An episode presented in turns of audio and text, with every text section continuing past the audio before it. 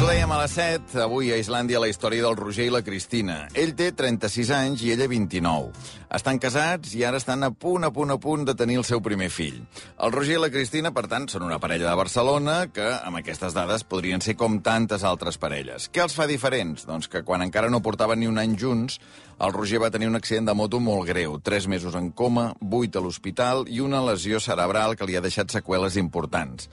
Segurament la seqüela més visible és que el Roger no troba les paraules per poder parlar.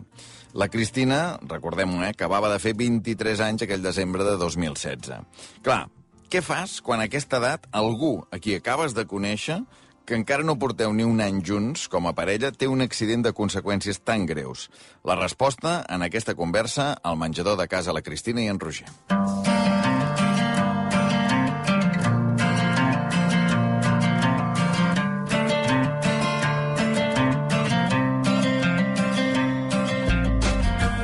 Hola, Cristina. Hola. Hola, Roger. Escolta, la, tenim una amiga en comú, que és la Mireia Ardèvol, que m'ha parlat molt de vosaltres, i, i mira, tinc ganes de conèixer la vostra història. Qui sou, vosaltres dos? Doncs bueno, som la Cristina i el Roger. Eh, jo, bueno, els dos som de Barcelona, el Roger de la Verneda, jo d'aquí de Gràcia, de tota la vida. I bueno, jo sóc fisioterapeuta, el Roger és integrador social, i fa eh, set anys que ens vam conèixer, bueno, una mica abans, però que vam començar la nostra relació, i mm, quan portàvem un any, més o menys, doncs el Roger va patir un accident de moto, que doncs, va haver un abans i un després, sobretot a la seva vida, però a la nostra vida també com a parella, i res, i aquí seguim lluitant cada dia. Quants anys tenies tu quan ell va tenir l'accident? Doncs jo tenia eh, 23 anys, perquè vaig fer els 24 allà a Vallebron, que ell estava ingressat, i té una foto ja bufant les espelmes. Sí, sí. I ell, doncs, mira, feia 15 dies que havia complert els 30 anys, i va ser una situació una mica així surrealista, perquè feia 15 dies que estàvem tota la família, que vam fer ja un fiestón, eh, i de fet jo hi havia familiars que els havia conegut pues això, feia 15 dies i estàvem allà tots a celebració i després et trobaves 15 dies més tard pues, en una situació totalment al revés, a l'hospital i, bueno, i patint allà aviam si se'n sortia o no se'n sortia. Què va passar el dia de l'accident, Roger? Pau, pau, pau, pau, pau. Bueno, ell sempre fa aquest gest i aquest so per expressar una miqueta. De fet, li preguntem això i no se'n recorda del moment de l'accident, que crec que també és agrair una miqueta. Eh, bueno, ell anava cap a la feina i bueno, com ell vivia a la Verneda i treballava a la zona franca, eh, pues, bueno, anava per allà a les fonts de Montjuïc i més o menys per l'alçada de Poble Espanyol doncs ell pujava amb la moto i una dona va perdre el control del cotxe i llavors, eh, bueno, d'aquelles coses que no s'entén una mica, ella explica que el carril bus no s'ocupa, però el carril de pujada pues, es veu que sí. I llavors, en comptes de girar cap a la dreta, girar cap a l'esquerra i va perdre el control del cotxe i el que pujava era el Roger. I la lesió cerebral que li va provocar aquest accident, diguem, quines conseqüències té? Veig que, Roger, intentes parlar, et comuniques, parles molt... Tens uns ulls molt vius, diguem, però, però les paraules no et surten, no? Sí. Sí, sí. sí. El, ell el que li ha quedat més afectat, sobretot, bueno, de la mobilitat, té una hemiplegia dreta, bé, té una paràlisi del, del costat dret, el que passa que amb treball i esforç doncs, ha pogut millorar molt i ara camina sense cap tipus de suport o pel carrer doncs, va amb bastó, eh, però el braç sí que no té cap tipus de mobilitat i després, sobretot, el que a ell li limita més és el tema de la parla, perquè a vegades eh, bueno, s'enfada amb tota la raó del món perquè doncs, ens trobem amb una barrera de que ell vol dir una cosa i t'estàs allà estona intentant entendre aviam què vol dir i no, no arribes a la connexió. Llavors, doncs és una barrera perquè també li limita molt l'autonomia, tot i que ell doncs, ara és capaç d'anar a comprar, de fet ja se'l coneixen pel barri, però va fer la compra, eh, es mou pel carrer sol i d'això, però clar, té aquesta barrera mm, que el, que el limita. Perquè ens entens, o sigui, a mi m'entens perfecte quan parlo, però no pots expressar-te tu. Sí. Exacte. Bueno, és una seqüela que es diu, bueno, que és una afectació de la parla, que es diu afàsia, i llavors eh, ell té una afàsia global, que és afectació de la comprensió i de la producció, el que passa que amb el treball doncs, la comprensió ha millorat molt, hi han coses que mm, jo què sé, tipus d'una taula, tu li dius agafa'm, hi ha diversos objectes i li dius agafa'm això i potser no t'agafa el que tu li estàs demanant i, i t'agafa una altra cosa. Llavors, a nivell de comprensió encara li queda alguna cosa per treballar, que per això fa logopèdia i va millorant a poc a poc, però a nivell de producció bueno, va millorant, però no és capaç de fer una frase sencera. Va dient paraules sueltes, sobretot les que més utilitza i les que ell necessita més, doncs les acaba traient.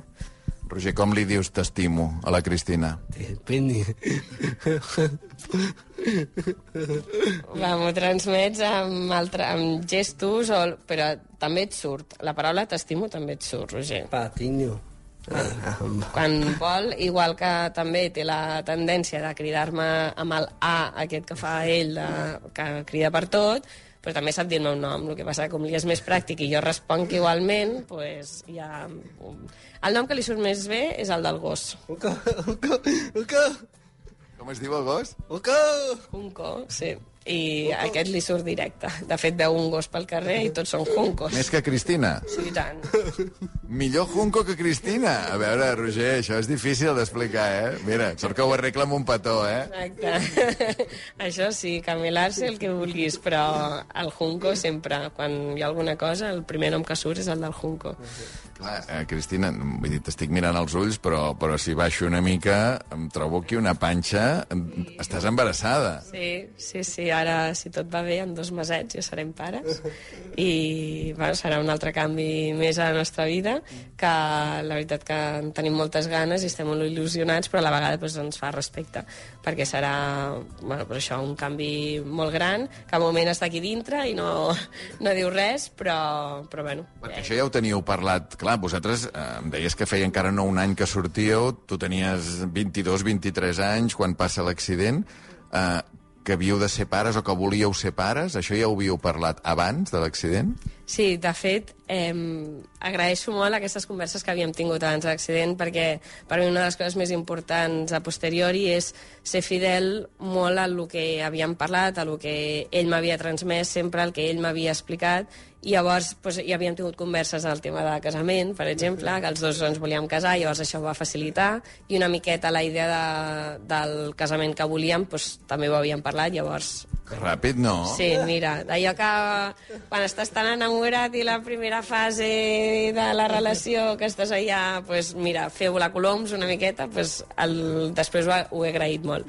I amb el tema dels fills, doncs, bueno, ell és el seu somni de vida, de sempre, de fet, ell sempre jo poso aquesta frase de que hagués tingut fills amb 20 anys sota un pont, si fa falta, perquè per ell d'amor es vivia. I llavors jo era més la que, bueno, espera't, i així. Llavors, de fet, havíem pactat, com ens portem 7 anys, de, clar, ell deia, és que clar, tu ets molt jove, i llavors jo seré pare molt gran, tal, tal, tal, bueno, i era una cosa que allà li anava fent ron-ron al cap, i llavors, bueno, dèiem, bueno, pues, si això és als 27, tal, però bueno, com la vida pues, després va fent, eh, ha sigut ara i estem encantats de que sigui ara.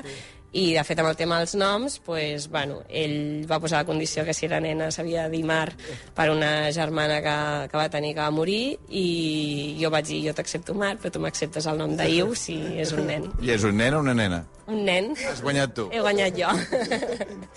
Això vol dir que hi haurà d'haver hi haurà, hi haurà d'haver una germaneta d'aquí un temps, no? Aviam si és veritat. I tu un dia li vas demanar per casar-se. sí, A veure, explica'm això.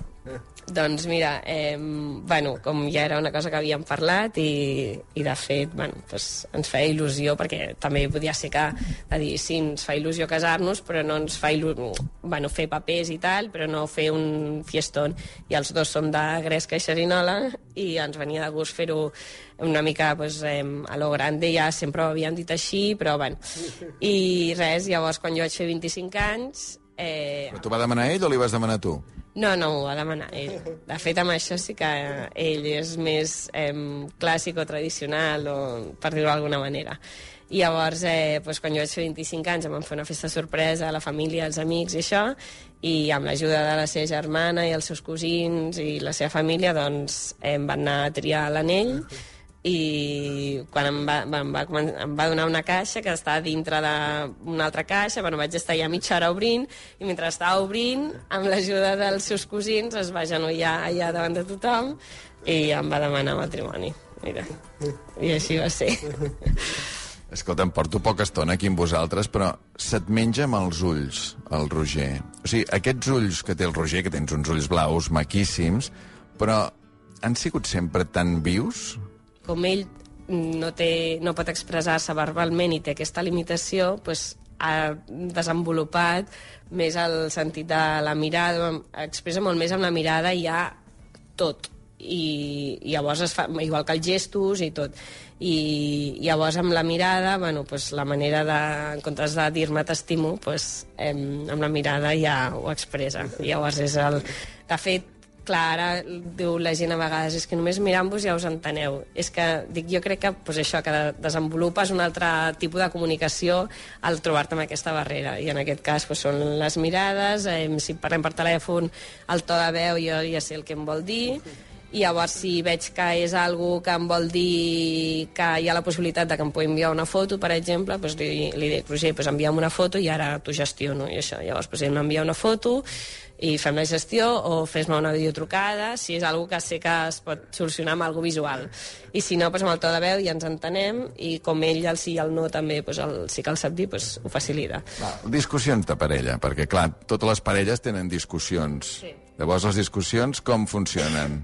Doncs... cosa és aquesta mirada que se't menja i que et diu t'estimo amb els ulls, però Com què? qualsevol altra parella, tenim discussions, i el que passa Sempre cedeix el Roger, no? que... No, no. A vegades ens costa tant l'un com l'altre donar la raó a l'altre, Com saps que està emprenyat el Roger? perquè ell ho expressa i sobretot amb, bueno, amb el to de veu que l'alça i sí, llavors eh, també el braç dret comença a pujar, i llavors aquí ja, ja sabem cartera Troia una mica. I llavors, eh, bueno, sobretot les nostres discussions mm, venen a... Bueno, poden ser de molt, de, per molts motius, però, eh, per exemple, una de les seqüeles també que, que li ha quedat al Roger, que ell és conscient però no ho pot evitar, és un tema a nivell cognitiu, a nivell cerebral, sobretot a nivell frontal, que és un tema de obsessiu i de repetició. Llavors, ell té obsessió amb certes coses i tot i que quan tu li dius, Roger, m'ho has dit fa dos minuts, eh, no pot reprimir aquest impuls de tornar-t'ho a repetir. Bueno, ho està treballant també amb la neuropsicòloga, el fet de poder frenar l'impuls. Però té les seves obsessions, com tu també pots dir ara, quines són les teves obsessions eh, avui en dia. Què fan a les 8 que és sagrat per tu, per exemple? Todo te, Intenta-ho dir. todo te, pa, ta, ta, ta. Bueno, Passa palabres? sí. Sí, va, més fa el rosco. Sí, és sagrat. En la vida li havia agradat el passapalabra, però crec que bueno, es- ho associem a que posàvem la tele a l'hora de que li portaven el sopar a l'hospital i feien el passapalabra. I llavors allà ja se li ha quedat, i llavors anem de viatge i ja s'ha de veure el passapalabra. Anem de cap de setmana d'això, s'ha de veure el passapalabra. És sagrat. I després un altre tema, que és eh, quin equip tu no perdones ni un partit. Tía, De quin equip? pasa. El Barça. És sagrat. I, de fet, ara no és només el futbol, sinó que també és S'ha el... tocat el cor, eh, quan ha dit Barça. Bueno, i, sí, Petó l'escut. total. És... El, sí, ell li encanta el Ter Stegen, el porter. És el seu... De fet, una parada del Ter Stegen és com un gol per ell, i ho celebra igual. Llavors, quan marca el Barça, amb el seu millor amic i, el, i algun cosí seu, pues, els envia un àudio amb un crit que jo crec que s'enteren tots els veïns i a sobre després se'l posa en repetició aviam si li ha quedat bé. I llavors, A veure quin és el crit eh, quan marca el Barça. pues això, cada... si el Barça va marcant, pues, eh, així estem. Cristina, hi deu haver gent que ens està escoltant i deu, i deu pensar aquesta noia és una santa. A tu t'agrada aquest pensament o et molesta? No, no m'agrada gens. De fet, eh, bueno, tu ets molt valenta o té molt mèrit o aquestes coses i no m'agrada gens que, que m'ho diguin, sincerament, perquè, bueno, puc entendre que hi hagi gent que ho pugui pensar perquè pugui dir, ostres, si a mi m'hagués passat jo no sé què hagués fet, eh, però són d'aquelles coses que fins que no et passen no saps com reaccionaràs. Llavors, um, a mi em va passar... Bueno, quan va passar, eh, sí que és veritat que hi ha una cosa que dic, que dic, si ell ho tenia escrit egoistament, si ell ho tenia escrit en el seu destí, que havia de patir un accident com aquest, egoistament deia pues, si l'havia de tenir pues, que fos, no sé, al cap de 5 anys que jo hagués pogut gaudir molt més del, seu, del Roger al 100%. Eh, jo que sé, per exemple, coses com esquiar, que, és, que dius, bueno, jo que sé, és una tonteria, però no ens va donar temps a esquiar junts. Ell, per exemple, li encanta, té la taula de snow que vol que la pengem a la, a la paret i d'això ho tenim allà pendent de fer. Eh, I jo, bueno, em defenso més o menys, i llavors ara esquiem, però ell amb, bueno, esquia adaptat amb un monitor. I jo que sé, aquest, aquest moment d'adrenalina de, de lo que comporta compartir un dia d'esquí amb els teus amics o amb la teva parella o d'això, doncs nosaltres dos junts al 100% no hem pogut fer-ho mai. I llavors dic, si ho tenia escrit en el destí egoistament m'hagués agradat que hagués sigut més tard. Doncs jo que sé, per exemple, ara també l'experiència de ser pare, que és el seu somni de vida, que jo sé que no tinc cap tipus de dubte de eh, com m'ho farà, mm, com es desviurà per l'IU. Sé que buscarà la manera de canviar els bolquers mm, amb una mà, sé, no tinc cap dubte. Però sí que és veritat que pensant en ell dic, ostres, m'hagués agradat que ell, ja que era el seu somni, ho hagués pogut viure al 100%, amb la consciència al 100%. Llavors, jo crec que aquestes coses quan passen eh, pues, si fas el que tu sents és la millor decisió. I llavors eh, jo sempre ho he sentit així no m'arrepenteixo per res del món tot el contrari.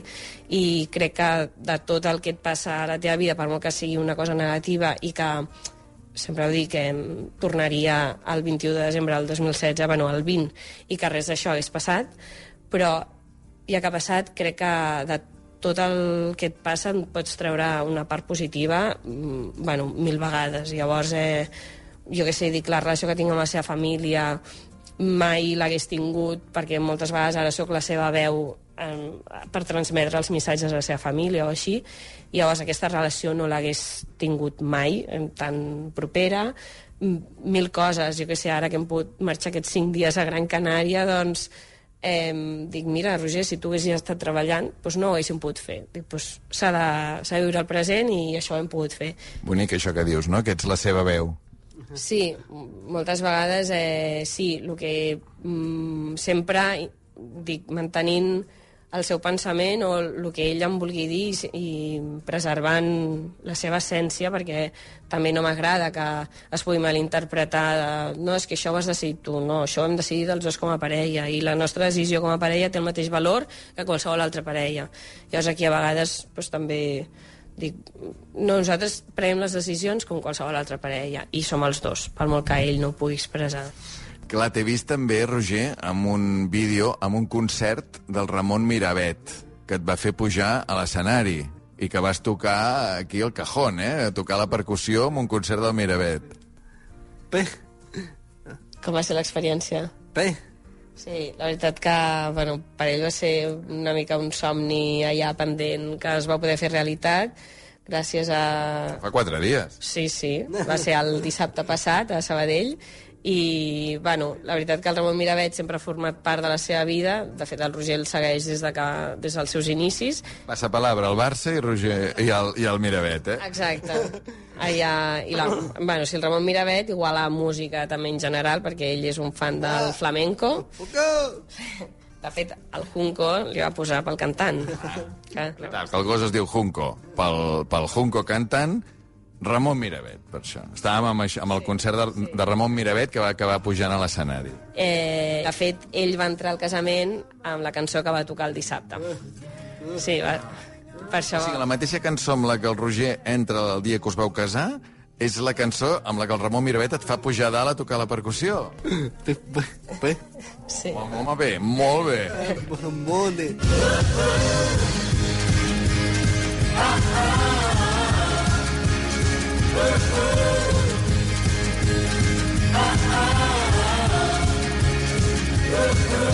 També el tema de la música, com va per una altra via cerebral, doncs li permet eh, ell poder entonar les cançons, per molt que no sigui capaç de produir les paraules tal qual, però sí més o menys eh, cantar la cançó a la seva manera, com si diguéssim. Llavors, eh, de fet, canta millor que parla, com si diguéssim, perquè de parlar doncs, té el so aquest que fas A, que tu, no, tu fas A, i depèn de com l'entones, doncs vols dir una cosa o una altra, i, i vas dient les paraules sueltes que et van sortint.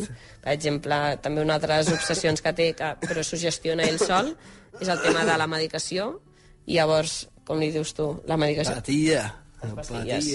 Perquè aquesta paraula sí que li surt perfectament. Llavors, si li falta la medicació, doncs se'n va a la farmàcia a buscar-ho, llavors em diu les pastilles i ja sé que se'n va a la farmàcia a buscar les pastilles.